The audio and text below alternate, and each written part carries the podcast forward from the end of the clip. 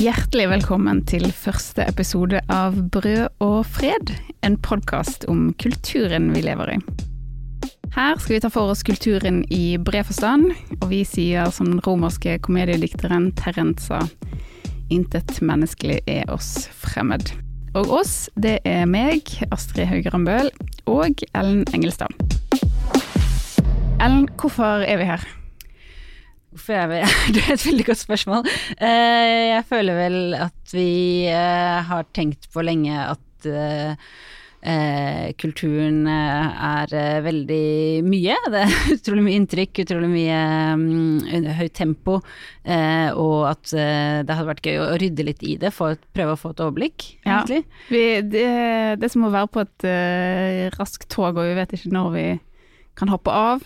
Og mm om toget noen gang eh, stopper, hvordan skal vi forholde oss til dette? Det samtidig som vi lever på en måte på peak tid i menneskehetens historie. Vi har så mye av alt. det er vel hva det Dickens sier, det var de beste tider, det var de verste tider. Det er litt sånn, eh, det er de beste tider med at vi har mye mer materiell velstand enn mange andre i av de som har levd før oss, men samtidig er det nå blitt ganske dystert med atomtrussel eh, og ødeleggende klimaendringer, krig osv.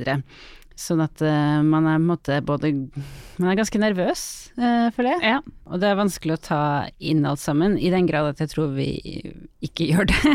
at vi derfor har veldig mye distraksjoner, mm. uh, både som kommer mot oss fra strømmetjenester, sosiale medier, store kapitalistiske selskaper som har en agenda med å fange vår oppmerksomhet, men også at vi på en måte selv søker det, kanskje. At det er litt for heftig å sitte og lese nyhetene hele tiden og virkelig kontemplere verden. Mm. At det er en, en, virkelighetsflukt er mye mer tilgjengelig nå enn uh, en før, og, og, veldig dominerende. Eh, samtidig som eh, vi også ja, eh, dras er eh, inn i en Ja, vi sitter på en måte fast i en veldig komplisert virkelighet, da. Og eh, prøver å flykte fra den, tror jeg. Mm. Mm. Og så er det, men det er også sånne evige temaer som eh, menneskeheten alltid har balt med, f.eks. For forholdet mellom kultur og natur, by og land osv. Det har på en måte øh, mannlige og kvinnelige hierarkier. Det, ingenting av dette her forsvinner jo heller. Og, øh, og, jeg tenker også at forholdet mellom kulturen og naturen er ganske interessant i vår tid, hvor naturen måtte raseres og virkelig utsettes for veldig mye trusler fra mennesker, da. Mm. Uh, og hvordan vi på en måte er som menneskehet utrolig glad i den, virker det som. Når vi først er i naturen, så er det på en måte det beste vi vet, og så har vi en veldig tendens til å glemme den og ødelegge den mm. likevel. Mm. Ja, for jeg tenker du sier det, vi er så glad i naturen, men all oppførsel rundt om i verden tyder jo på at vi ikke er så veldig mm så veldig glad. Driver sånn eh, psykologisk terror mot naturen. Vi sier vi elsker den, vi oppfører oss ikke sånn. Nei, absolutt ikke. Og det er også vanskelig å måte, ta inn eller forstå hva man som eh, enkeltperson kan måte, påvirke eller gjøre med det. Da. Så det er også på en måte, jeg har litt lyst til å gjøre her i denne podkasten. Prøve å finne noe litt vesentlig, kanskje. Eh, zoome litt ut, rydde litt, prøve å få et overblikk. Mm. Eh, mm. Rett og slett eh, ta et grep for, for, at vi skal klare å forholde oss til tiden vi lever i. Ja, rett og slett.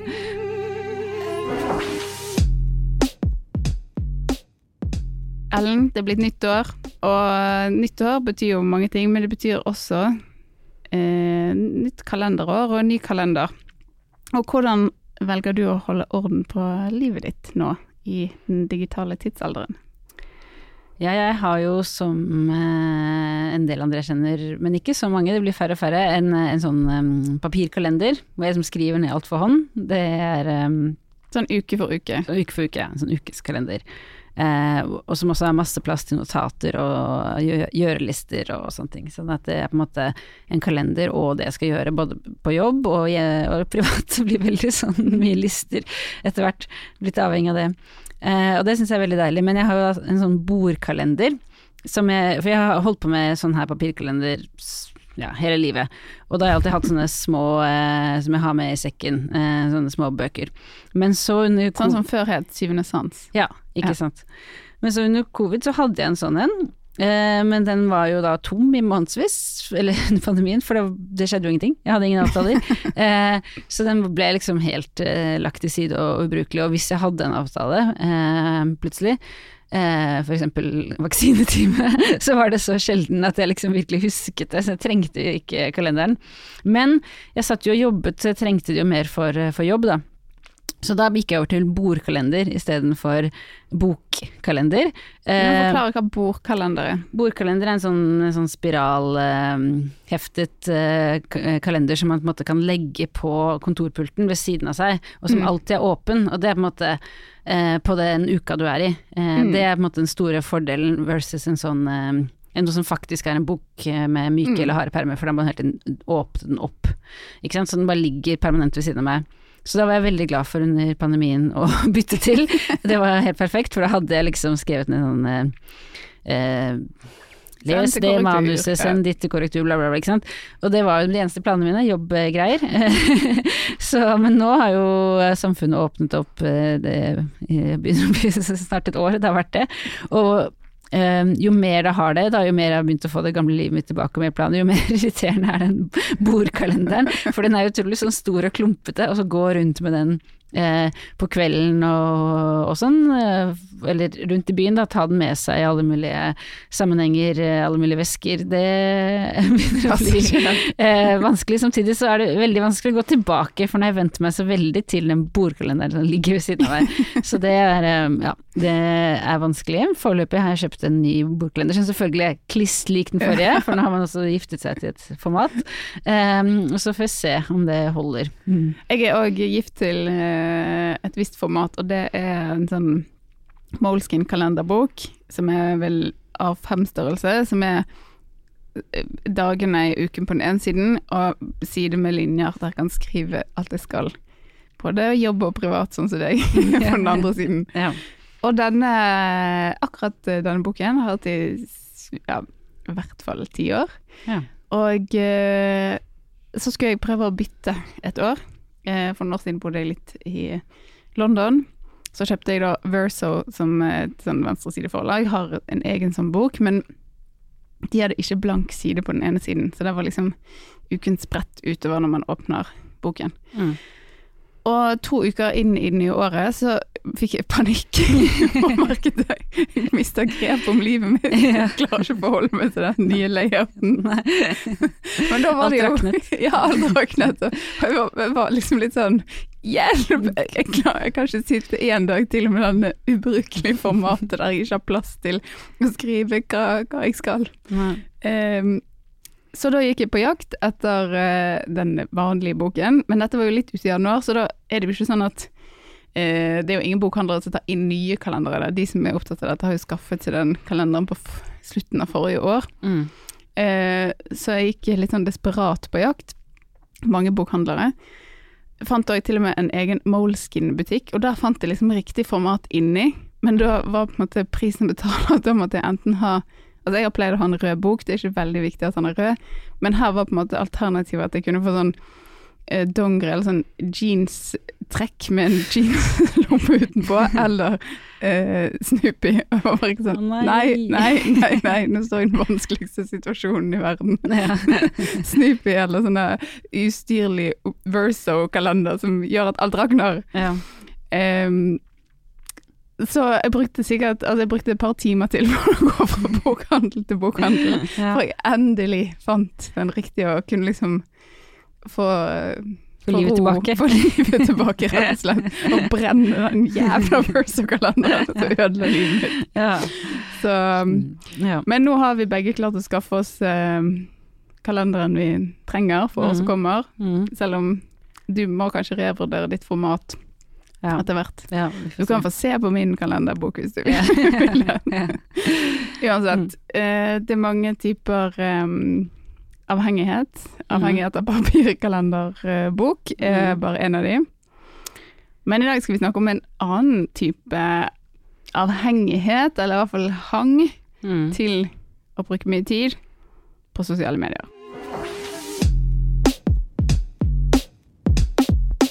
Nå er det jo nytt år og mange nyttårsforsetter, og Det kan nok hende at en del folk eh, da tenker at jeg skal eh, stramme meg selv opp litt, og jeg skal bruke mindre, henge mindre på sosiale medier som eh, I vår generasjon er det vel Twitter, Facebook, Instagram. De yngre Mm. driver med TikTok. Ja. Jeg tror de fleste får aldri ikke har begynt med det, men eh, men det tar jo også veldig mye tid, og man ser jo TikTok i de andre kanalene og sånn.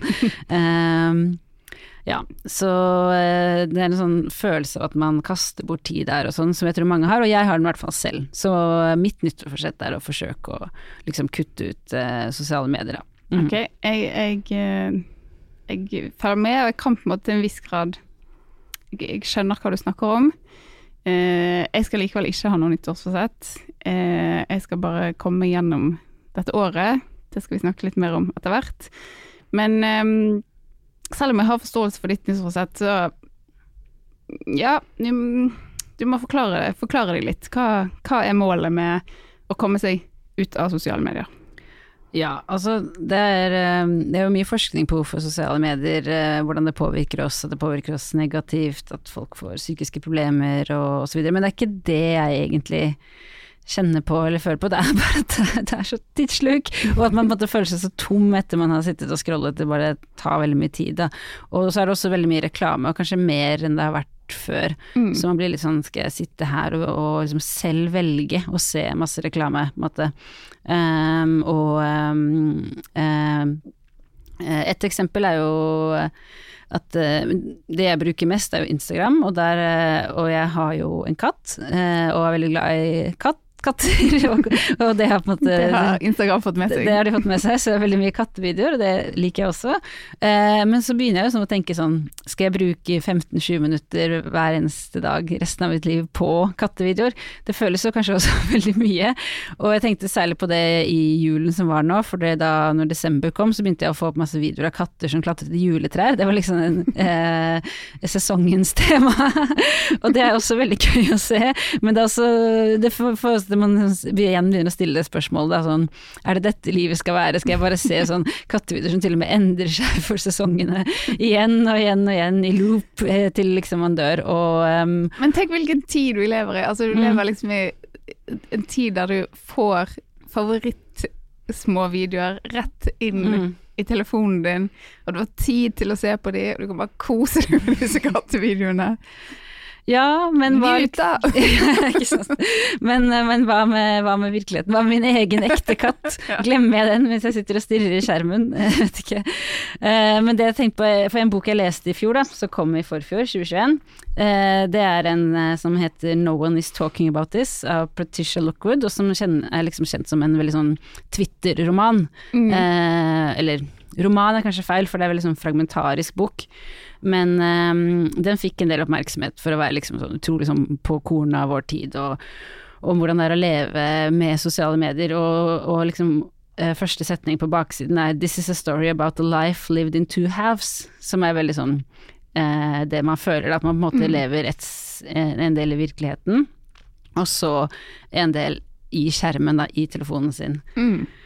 Og hun Patricia Lockwood er jo en eh, veldig interessant person. Hun er eh, en amerikansk eh, intellektuell, født på slutten av 70-tallet, som nå jobber som medredaktør i London Review of Books, og er veldig sånn kritiker og poet og forfatter, men fra en veldig sånn arbeiderklassebakgrunn, da. Og, den, og så er hun også på en kjekt kjent Twitter-personlighet. Har skrevet mye eh, kjente tweets. så for seg selv veldig Hvis du går på Wikipedia-sidene, så står det sånn der Hun er kjent for å Blant annet så skrev hun en gang eh, en tweet til The Paris Review. Eh, for hun jobber jo i Mm. London Review Books, men Paris Review er jo et annet veldig kjent etablert tidsskrift, og så hennes tweet til dem var So, is Paris any good or what? Men jeg vet at de burde jo anmelde Paris når de påstår at de Når de er navnet. Og det liksom fikk så mye oppmerksomhet at hun måte ble kjent for det. I en liten sfære. i en veldig eller liten sfære, ikke sant. Og det er jo også alle disse boblene vi har og alt mulig da. Men i hvert fall i denne boka 'No One Is Talking About This' så skriver hun om den følelsen jeg hun skriver veldig godt den følelsen jeg har når jeg er på sosiale medier. Og da kan jeg også si at det sosiale medier hun bruker som uh, tolkningen er at det er Twitter, uh, er da heter det portal i Mm. boka, fordi man måtte enters the portal hele tiden. Mm. Det er veldig, veldig bra uttrykk, syns jeg.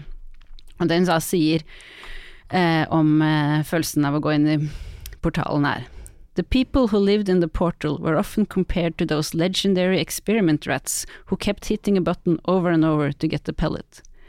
But at least the rats were getting a pellet, or the hope of a pellet, or the memory of a pellet. When we hit the button, all we were getting was to be more of a rat. ja. Så det er den følelsen jeg sitter med nå på begynnelsen av 2023. um, at, Som en forsøksrotte ja. som, som vil ha som- belønning, men, men hvor er belønningen? Ja, får ikke det engang. ja. Um, men da får jeg også litt sånn eh, Jeg har jo likevel ambivalent dette, og jeg får litt dårlig samvittighet overfor deg, Astrid, fordi eh, hvis liksom mitt nyttårsforsett er å slutte med sosiale medier, så sier jeg jo egentlig at jeg kommer til å melde meg ut av kulturen, og der legger jeg veldig mye jobb over på deg. Min oppgave å følge med. Ja.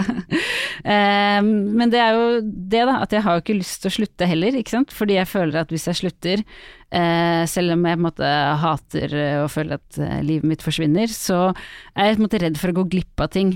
Mm. Ehm, og ehm, det er jo fascinerende, jeg er jo gift med en fyr som ikke er noe særlig på sosiale medier. Han har ingen profiler, ikke sant, så mindre enn mine foreldre til og med. Og det virker jo som et fint liv, eh, men på den annen side så går han glipp av kjempemasse. Det er jo veldig tydelig. Det er ting jeg kan fortelle han som han ikke får med seg at skjer. Det er litt som han bor under eh, en stein, men samtidig så er det sånn, de tingene han ikke får med seg, da, det er ting som for eksempel at under pandemien, i begynnelsen av pandemien, så var det en advokat i USA som møtte opp i Zoom-rettssak med et kattefilter han ikke greide å fjerne. Så han begynte å skrike 'I'm not a cat'! eh, en annen er en sånn eh, kjole. Er den beige eller er den blå? Alle ser ulike ting, hvem vet? Hva er fargen på kjolen?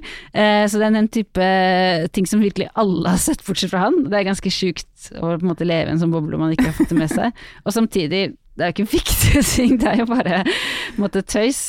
Det er, det er jo bare Det er tøys, eller Det med han advokaten, det var jo ikke tøys, men det er jo ikke viktig informasjon å vite, men han går jo glipp av et eh, fellesskap, da. Ja. Tilhører fellesskapet som vi alle så mange er en del av. Mm, det er sant, det gjør han.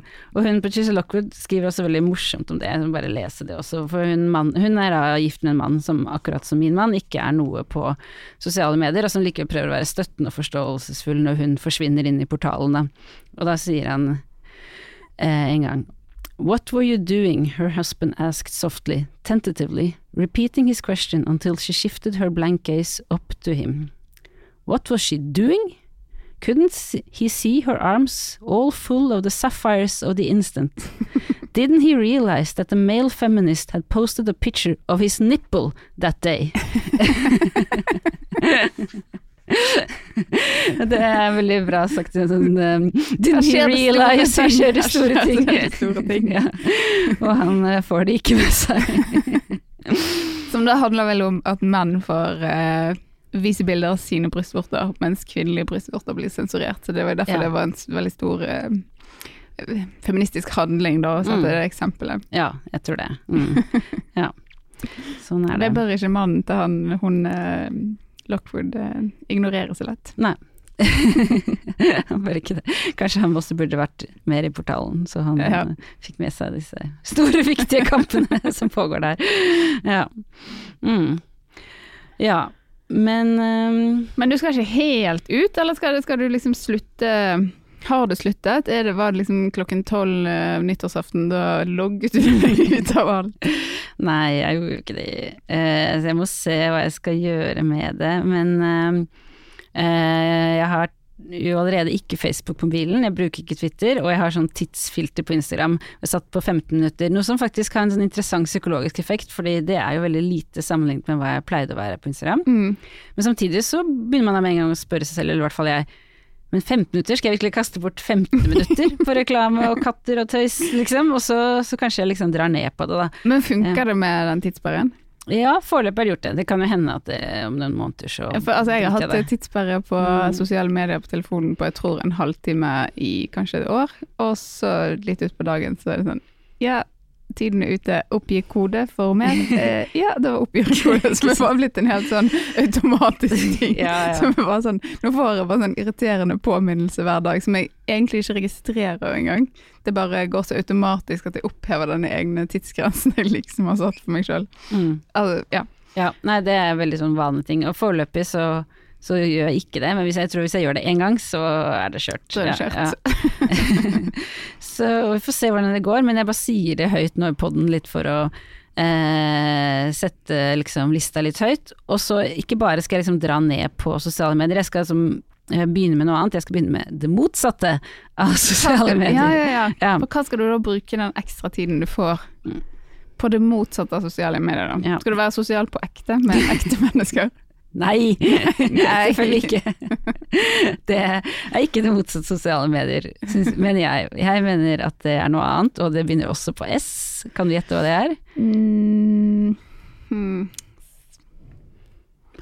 Nei, jeg tror, du må, jeg tror du må fortelle. Ja. Det er selvfølgelig sumeriske leiretavler! Of course. of course.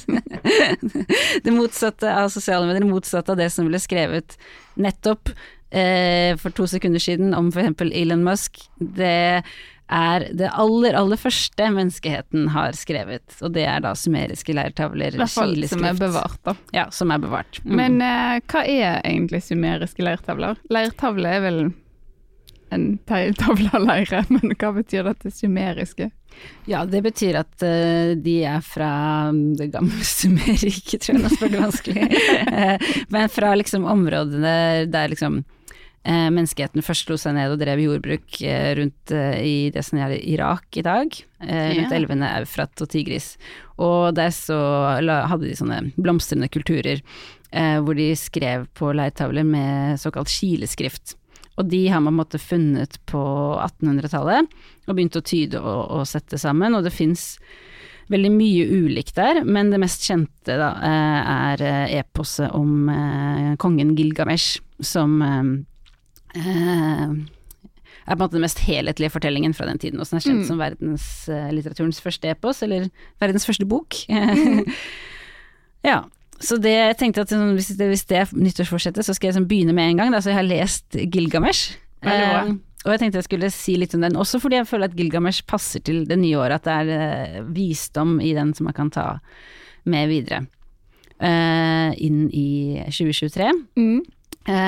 For det jeg tenker med sånne gamle tekster, da, eh, er at de er på en måte eh, Istedenfor at man sitter og bare scroller, så får man ta inn evig visdom og, og sannhet. Og eh, jeg er veldig enig med Sigrid Undset sitt veldig kjente sitat om at menneskenes hjerter forandres aldeles intet i alle dager.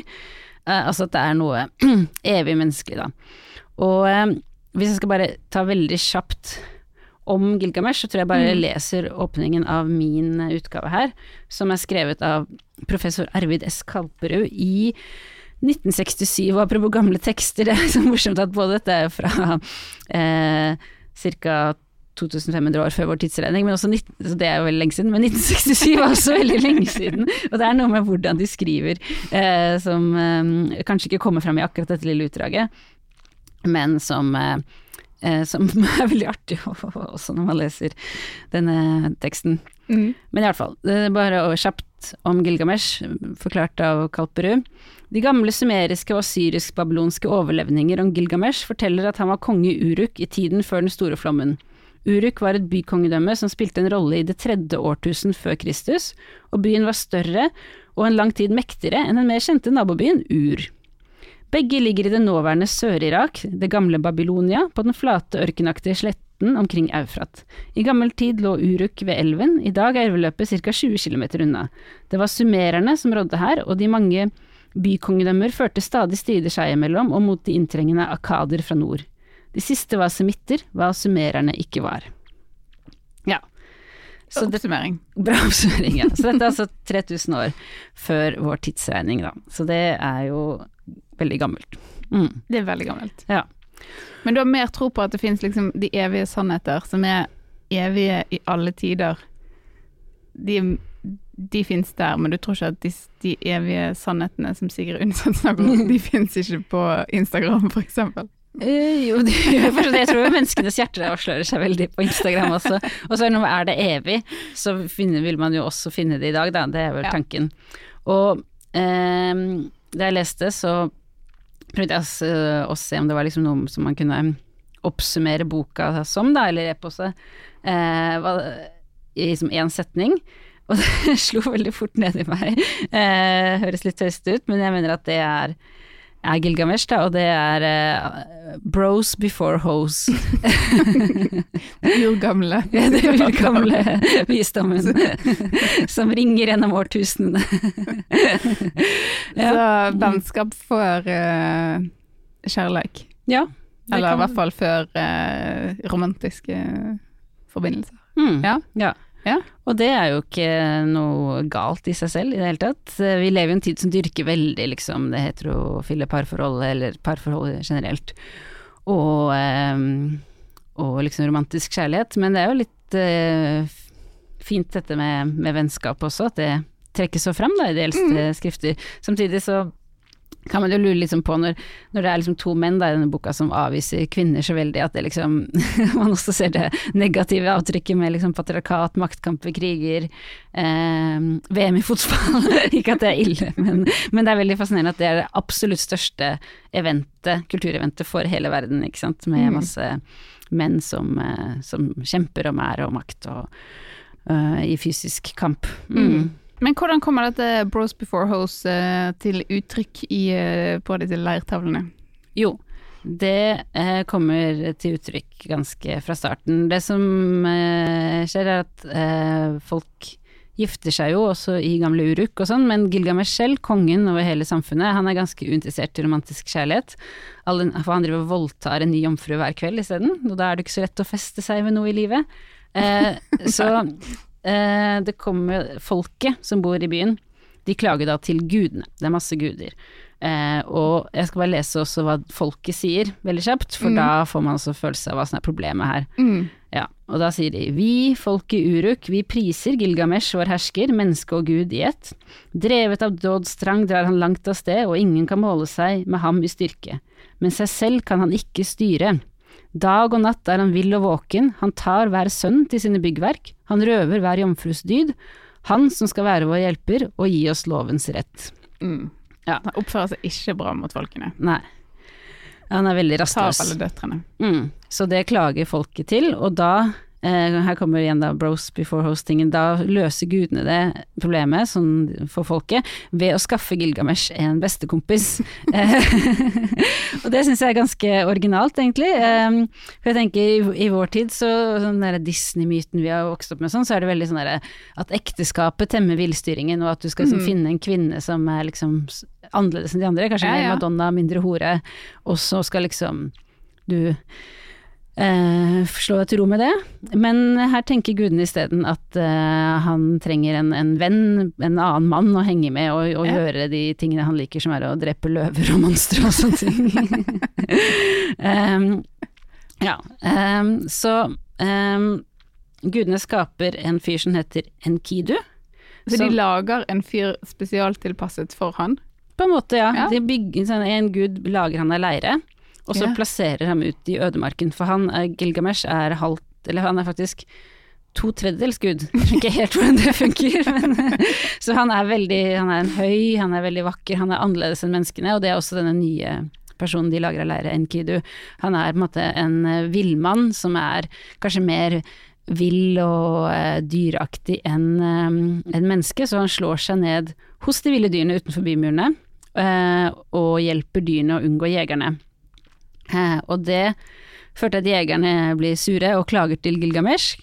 Og da foreslår han eh, Hans løsning på det er å sende en ekte ho, en, en gledespike fra tempelet, ut i villmarken for å lokke en kidu. Og tanken er at eh, hun skal forføre ham, sånn at de eh, liksom begynner å ha sex, og da vil dyrene avvise ham og ikke lenger være sammen med han. Og det skjønte jeg ikke helt først, fordi jeg mener dyr har jo også masse sex, ville dyr ute i ødemarken, så hvorfor skulle de bli sure og se han ha sex med en dame? Det er et veldig spesielt forhold til de dyrene. ja, ja. Men så er det jo da selvfølgelig at dette blir jo, er jo mer symbolsk, ikke sant. Kvinnen blir jo da et symbol på sivilisasjonen, på byen, på eh, det menneskelige. Så når hun forfører han, og de eh, begynner å De trekker seg tilbake og har eh, sex i seks dager og seks netter, og den syvende så er Gud lei og forsøker å gå tilbake til dyrene, og da vil ikke de lenger være med han fordi han måtte blitt menneskelig, da. Ja. Han har, og han har fått mer kunnskap om å ha sex i seks dager. Så står det 'kunnskapen tynger ham og foten er lammet'.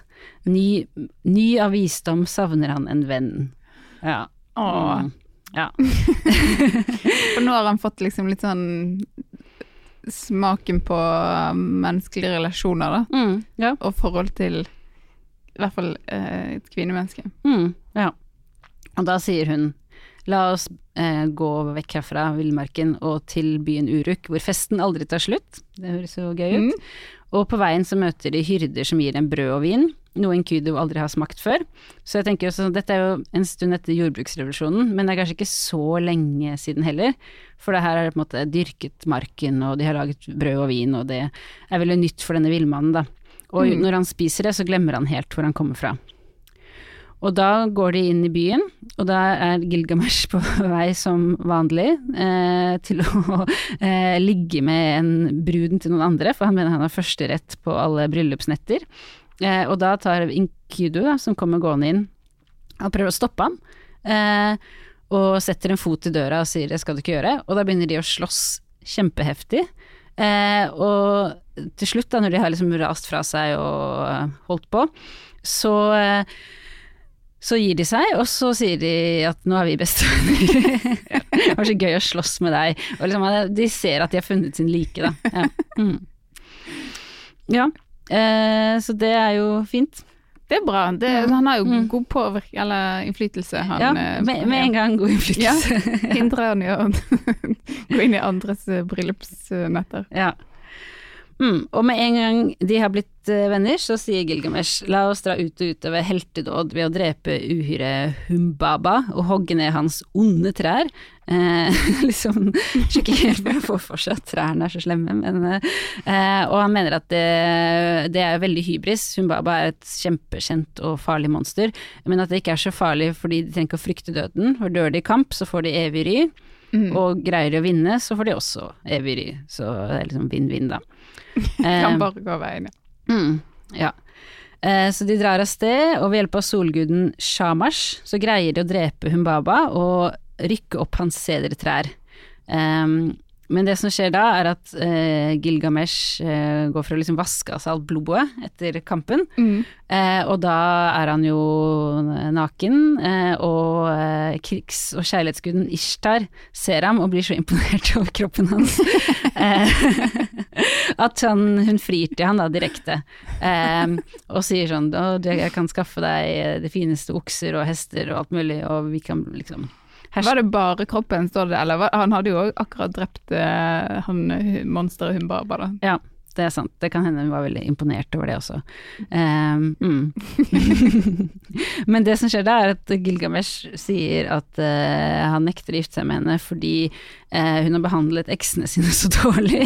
altså, fordi hun har vært sammen med seks andre menn før, som hun har uh, likt og, og giftet seg med, men så har hun som blitt lei av dem, og da har hun forvandlet dem til dyr. Da. En har hun gjort dem til en ulv, en annen til en muldvarp. Så da sier han om jeg ble din syvende elsker, ville du gi også meg en grusom skjebne. Ehm, så han liksom ser noen red flags, da. um, Det, jeg tror han tar et godt valg der, med å holde seg unna. Det er skikkelig red flag. det er veldig red flag at eksen nå er en muldvarp. og det er også, føler jeg sånn eh, her kan Dette er evig visdom. Dette er visdom. Her kan vi som moderne mennesker relatere. Da, at man, eh, måtte, hvordan gå inn i forhold, er det liksom lurt, og eh, hva skal man liksom trekke seg tilbake for? Og, ja, ja. For det som er, er at eh, ok, det er kanskje ikke Det virker lurt å avvise henne, men samtidig så er hun jo gudinne, så hun er jo ekstremt mektig. Så det ikke det har veldig store konsekvenser å avvise henne også. Hun blir jo dritsur. og ber faren sin, som er en enda mektigere gud, om å sende ned himmeloksen for å drepe Gilgamesh og Enkudu som en slags straff. Men de er jo veldig flinke og har nå sine liksom forente krefter, så de greier å drepe den oksen også. Eh, og Enkidu tar og kapper av et bein og slenger i trynet på henne. Sånn skikkelig sånn stikk, ha, nå tok vi den oksen også. Og da blir hun veldig, veldig sint, og gudene rådslår. Og det er også morsomt fordi gudene er jo da, det er så mange av dem, ikke sant. Så selv om én er kjempemektig og hjelper dem, så hjelper ikke det når flere andre også er mektige og er nå imot dem da de mener at de har gått for langt. Og straffen er at når de da kommer tilbake til byen og fest, lager en stor fest i ære for seg selv, så blir Enkidu syk allerede første natta. Eh, og han blir bare ikke bedre, han bare ender på et, et sykeleie som går over til et dødsleie. Og da vender historien, fordi eh, nå ser det ut til at han skal dø en æreløs død, altså i senga si, ikke mm. i kamp. Eh, og da blir det ikke lenger så enkelt for de to tøffingene som egentlig ikke fryktet døden. Så Enkidu begynner å klikke på hun uh, gledespiken som fikk han med til byen i utgangspunktet, skrike at uh, uh, alt er hennes feil, og Gilgamesh blir livredd for at Enkidu skal dø, og også da han selv. Mm. Mm. Ja, så Jeg føler jeg har forsvunnet litt ut av vår tid, og det er sånn ærefull død.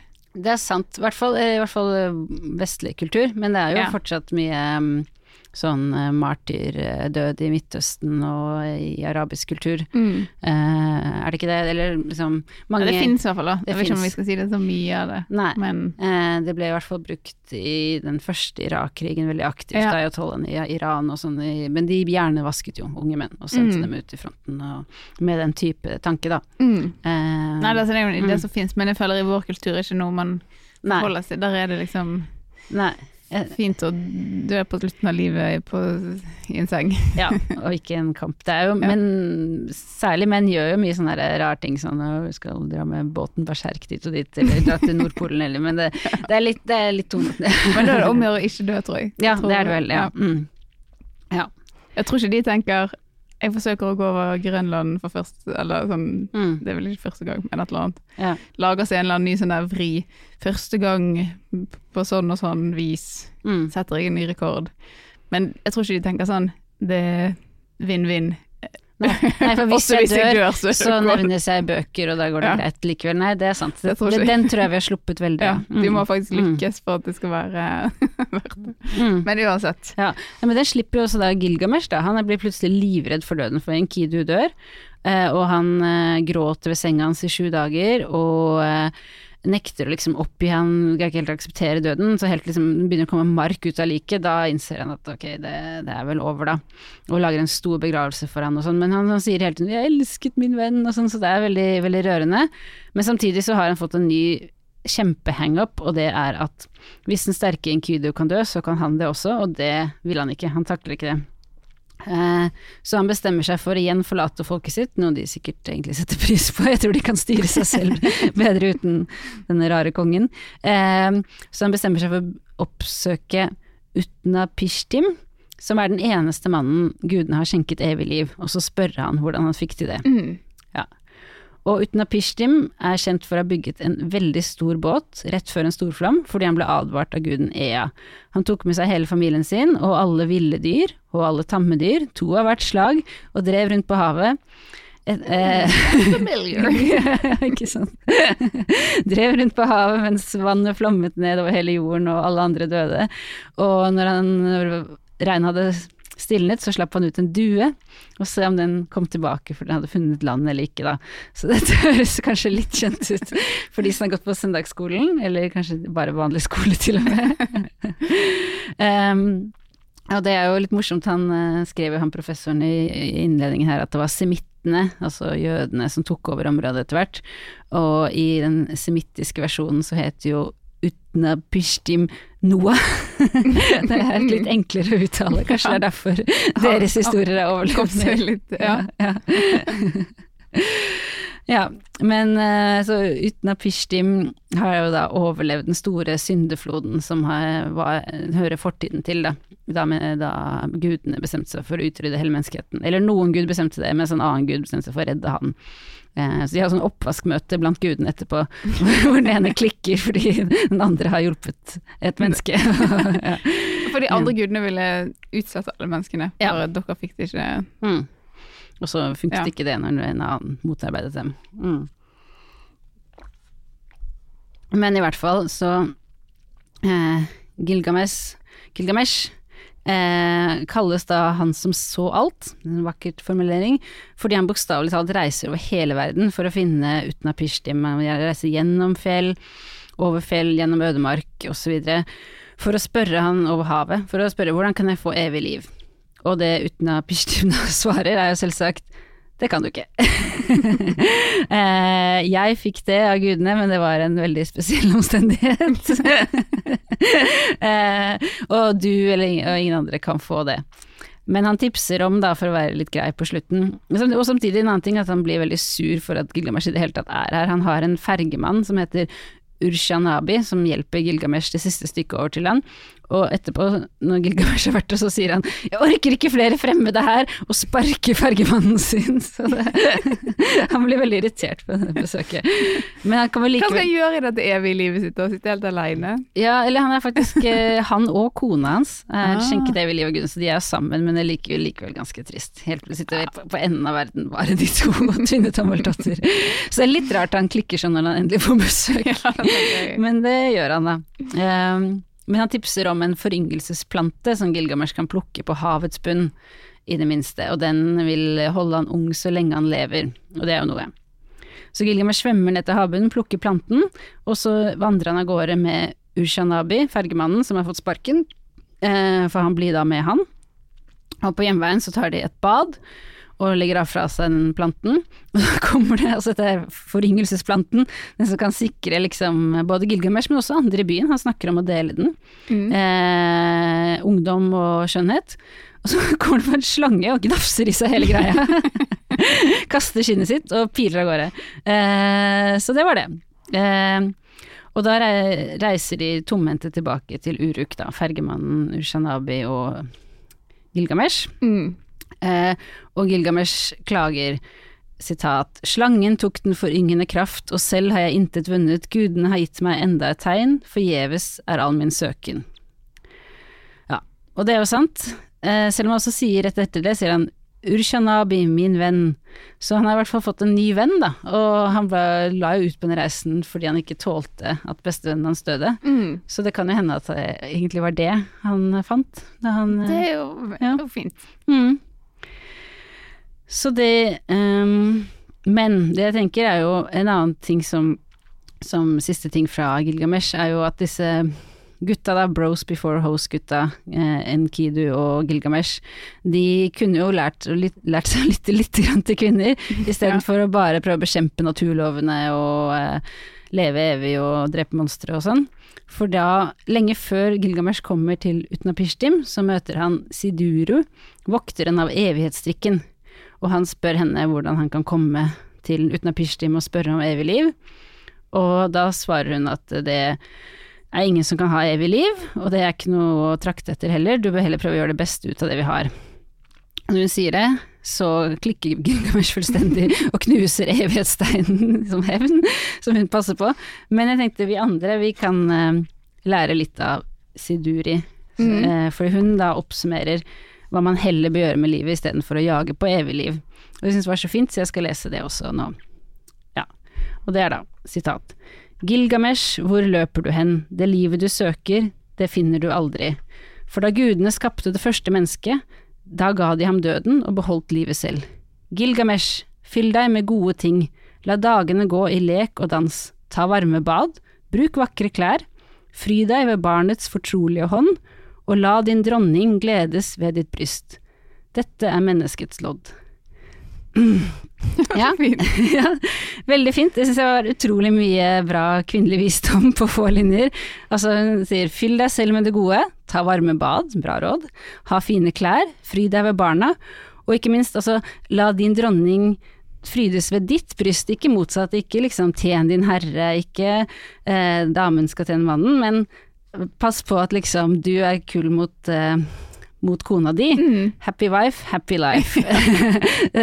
det er også et veldig evig råd da, fra, fra sumerisk tid, som jeg Ja. syns alle må følge. Jeg Ja, syns vi heller burde fått den historien videre enn den om Noahs ark. ja enig. De valgte feil ting de tok med seg videre. Ja, feil liksom, for det, det med Noahs ark er veldig story within a story, de burde heller konset på hun her. Ja. ja, så det er menneskets lodd, sier uh, Siduri. Og Og ta tar Gilgamesh det til seg. Nei, nei, nei, han Nei. bare knuser en stein og fortsetter. Um, men det jeg tenker sånn, hva, oppsummert da, hva er det som vi finner i denne uh, boka som uh, passer i dag? En ting er jo at det finnes jo eh, folk i vår tid som søker etter evig liv, fortsatt, på ordentlig. Ja. Det er ganske vilt. Eh, og det sier folk, men jeg mener egentlig veldig, veldig rike menn. Ja. det er mest de. Og jeg har funnet noen eksempler, faktisk. Eh, Podkastverten Joe Rogan, eksempel, er veldig opphengt i det, og har masse episoder om eh, livsforlengende preparater, Mm. og om de egentlig fins og sånn. Og han Sergej Brin, Brin, mener jeg, som stiftet Google sammen med kompisen Larry Page, og som nå selvfølgelig er multibilliardær, Ja. liksom, og superrik. Han sier at han eh, har en plan om å kurere døden. ja. Ja. Og eh, multi-multimilliardæren Larry Ellison, som også er en sånn amerikansk businessmann, han har eh, uttalt eh, at døden gir ingen mening for meg, den gjør meg bare veldig sint. og, og har da mye penger investert i å få den vekk. ja. Det, er så, det er så dobbelt trist. En ting er at det er liksom generelt veldig sånn utrolig usympatisk å tenke at mitt liv er så viktig at jeg, jeg, jeg må leve for evig. Men så er det i tillegg sånn Det er liksom Det er, de, det er bare de verste folkene ikke som sant? Ja, ja, sitter på ja, dette. ja, ja. Og liksom, igjen, det, det er akkurat sånn, bare hvis du bare stopper opp et lite øyeblikk, snakker med Siduri eller noen andre, så vil du skjønne at det her kommer aldri til å gå. Det er ikke Ta deg et bad i stedet. Ja, ta deg et varmt bad i stedet. Ja. ja. Um, også, men det da, pluss den derre foryngelsesplanten som, uh, som Gilgamesh får tak i, og så mister igjen, den også føler jeg rikinger av begge kjønn driver veldig med i vår tid også, å, få tak i. Enten det da er Botox eller eh, operasjoner eller masse andre greier, men vi er veldig sånn kultur som er veldig dominert, akkurat som Gilgamesh, da, med sånn veldig jakt på ungdom, foryngelse. Ja, ja, Ja, det gjelder jo ikke mm, bare de som har masse penger eller opererer uh, mm, fjeset på masse eller andre ting, men det unge er jo idealet mm, i veldig stor grad også, ja. mm. Um, mm. Det Jeg tror kanskje mer nå enn på Gilgamesh sin tid, men han er veldig, veldig opphengt i det fordi han Ja. er så redd for å, for å dø. Mm. Men jeg tror eh, eh, at eh, liksom, vår tid er mer, mer preget av den, den jakten, og kanskje mindre av den visdommen at det ikke trengs. Ja. Mm. Men nå liksom eh, litt, litt inn i dette nyttårsforsettet. Mm. Nå har du sett færre kattevideoer, kanskje. Mm. Eh, hva, er- hva føler du så langt? Har du blitt eh, visere? Har du fått mer ro i sjelen? Savner du kattevideoer? Har du fått et bedre forhold til katten din? Nei, altså nå, eh, ti dager inn i det nye året, så føler jeg at dette er veldig bra. Jeg, jeg, jeg syns det var veldig gøy å lese Gilgamesh. Jeg mener at eh, eh, det, er, det der med menneskenes hjerte forandrer seg aldeles intet, er veldig sant. Og at man, man tenker mye på det etter jeg har lest det. Mm. Og, eh, jeg føler at liksom eh, mitt motto nå for, eh, for eh, 2023, det er eh, ta varme bad, bruk vakre klær, fry deg ved barnets fortrolige hånd, og la din dronning gledes ved ditt bryst. Det, det, jeg fikk mye mer ut av det enn en scrolling, det syns jeg faktisk. Det er fint.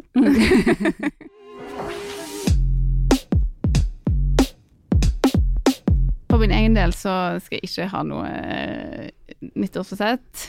Jeg skal ikke ha noe eh, form for eh, noe som helst som kan være sånn Det handler om å prestere eller å eh, ta bedre valg eller Jeg skal bare ikke ha noe som kan gi meg dårlig samvittighet. Og først og fremst prøve å komme meg eh, gjennom året, og det er jo litt rart å fortelle dette her, men det er litt rart å ikke fortelle det òg, kanskje, siden eh, det jeg vil fortelle nå, siden det er jo det viktigste som har skjedd i livet mitt. Eh, ja, nå begynner jeg sikkert å grine òg. ja, det er det jeg også vil gjøre. mm. Det er jo Ja, for i mars 2022, altså i fjor, så opplevde jeg det verste i livet. Jeg var eh, høygravid med mitt første barn, og det var bare et par uker igjen til termin. Og det hadde vært et helt normalt svangerskap, og jeg hadde bare et par dager igjen på jobb før jeg skulle ut i permisjon. Og så døde datteren min i magen. mm. Ja. Og hun ble født eh, 19. mars og fikk navnet Solveig.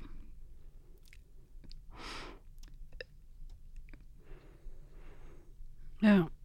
Og det var jo Vi som kjenner deg, så jo også henne, og hun var jo helt nydelig og ferdig lagd og klar for Ja. livet. Ja. Mm. En helt nydelig liten jente. Mm. Og jeg tror jo at det å få barn, det er jo, og sikkert kanskje spesielt det første, det er jo litt så som å bli rykket ut av tiden, på en måte. Man blir Alt blir bare sånn her og nå og barn, og sånn var det jo for oss òg. Men vi ble òg litt sånn rykket ut av livet på Eller på det mest brutale viset. Mm. Og jeg vil ikke snakke så mye om ja, akkurat de dagene akkurat nå og alt sånn, og alt er bare trist. Og nå er det jo ni-ti måneder siden, og det går jo tross alt eh, bedre, og heldigvis har jeg verdens fineste mann, Mm. som har vært eh, en helt eh, uvurderlig støtte og sånn. Men det har jo vært et år som har vært veldig sånn unntakstilstand. Og vi ble jo rykket ut av det meste som man vanligvis gjør. Altså, begge var jo sykemeldt en stund, men det var jo òg veldig fint at det, vi, at det var fint å komme tilbake på jobb i manifest. At jeg kunne sitte på kontoret og ikke gjøre noe, og det var fint. Um, men jeg har jo vært mye mindre med venner og vært ekstremt mye med Eirik, og på en måte veldig sånn vekk fra at man går fra på en måte prøve å bruke tiden sin lurt, og man vil ikke kaste vekk tiden på eh, sosiale medier eller eh, andre dumme ting, så jeg føler jeg har hatt nesten et år med bare sånn Der målet bare er å få tiden til å gå, og eh, jeg har bare sett eh, masse på TV, jeg har vært masse på Instagram, og, og ikke hatt noe sånn hva er lurt nå? Bortsett fra at vi har liksom tenkt det var lurt å gå litt turer i nabolaget og komme oss litt ut. Ja. Det har kanskje vært det eneste sånn Nå skal vi gjøre noe som er bra for oss, ellers så skal det være Men ikke med sånn høypresterende mål. Nei, ingen høypresterende.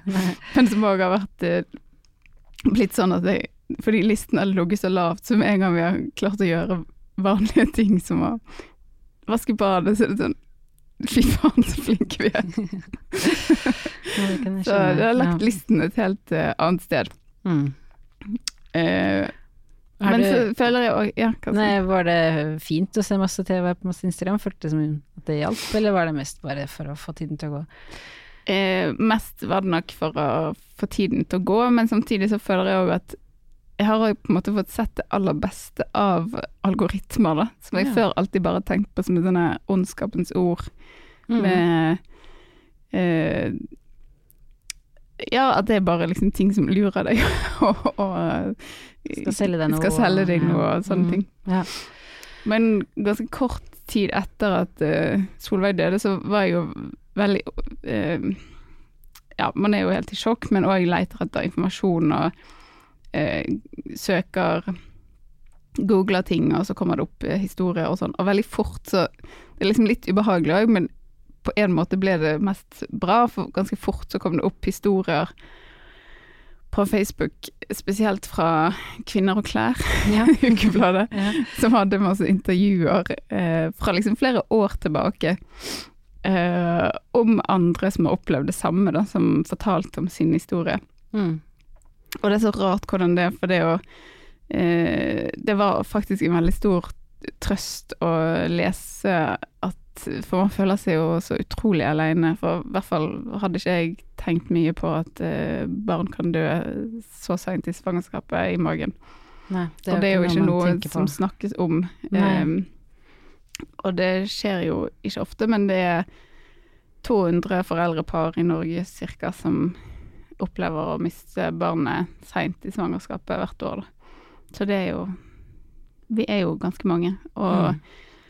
ehm, der føler jeg òg internett har liksom hjulpet å få At det er mye lettere å få kontakt med andre.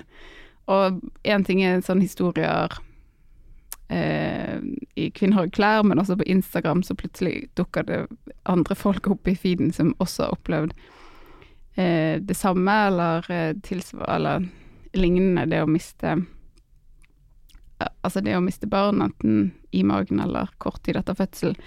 Og både i Norge, men òg i skandinaviske land og USA. Og det er så rart hvordan det, at disse algoritmene òg plukker opp på en måte barnedød på et eller annet vis, eller Mm, hvordan ja. de lager sånne linker, men som er litt Litt koko å tenke på det, men jeg har ikke så mye kapasitet i hodet for tiden til å Nei, tenke nei, over sånne store ting. Så jeg bare det- tenker fint at dette fins akkurat nå. Ja, så man kan knyttes litt sammen, og det handler vel bare om det man liksom stopper ved, får man mer av, og det kan være fint i Mm. sånne situasjoner. Mm. Ja. Mm. Ehm, ja, så jeg har egentlig blitt mer uh, internett- og algoritmepositiv det siste året, føler jeg. Som et veldig rart uh, resultat av uh, den tragedien. Og selv om selvfølgelig det har jo vært mye viktigere med eh, Eirik og venner, og så har vi jo gått i en sånn sorggruppe, og det å møte andre på ekte er jo finere eh, enn sosiale medier, tross alt. Men eh, eh, det har også vært eh, bra, så jeg har, ja Mm. Om jeg ikke skal bruke mer tid på sosiale medier i, i år som kommer, så har jeg i hvert fall ingen plan om å legge noen begrensninger på meg sjøl. jeg. Jeg skal fortsatt ha halvtimes tidssperren som jeg skal åpne hver dag. Kode. Ikke sant. Enkel kode. Ja. Ja. Jeg tenker Min kritikk mot dette var jo at det bare er støy og tøys, eh, Mm. og dette høres jo ut som det Dette er jo ikke støy og tøys, ikke sant. Når, Mm. man, eh, når man trenger hjelp og trenger å, å treffe andre, så, eh, så er det sikkert eh, helt perfekt. Mm. Mens eh, man trenger jo på en måte ikke eh, reklame for kjoler, selv om det er ens egen stil. Man trenger ikke tøysete katter, eh, og så Mm. videre. ja.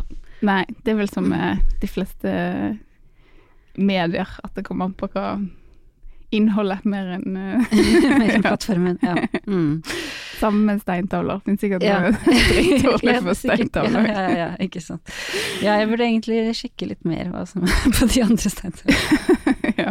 Kan gjøre til Uff, de ja. neste ti episodene. Nei da, jeg skal ja, jeg har nå ikke noe Mm. mer lurt eh, å si om uh, dette, men jeg tenkte jo at jeg kom til å uh, begynne å grine, og da kom jeg til å tenke på et intervju jeg, portrettintervju jeg skrev for ca. et år siden av Anine Kierulf, som er jurist, sa i et portrettintervju jeg skrev eh, for ca. et år siden, og da fortalte hun om eh, det vanskelige forholdet til faren, og felte noen tårer, eh, og jeg som journalist ble jo litt sånn Oi, nå har jeg pirket borti et eller annet, eller eh, Men hun sa bare 'vi må tåle hverandres tårer'.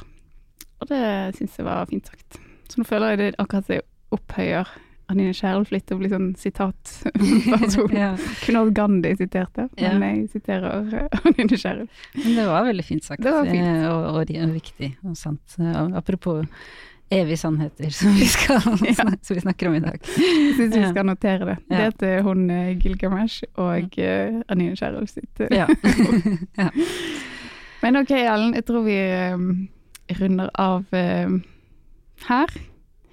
Eh, hvis du som hører på har noe du vil eh, si til enten meg som bare griner, eller hun som vil ut av moderniteten og tilbake til steintavlene, så kan dere sende en mail til eh, brod og fred manifestmedia.no. ja, nå har vi begynt dette året litt langt nede. I hvert fall meg.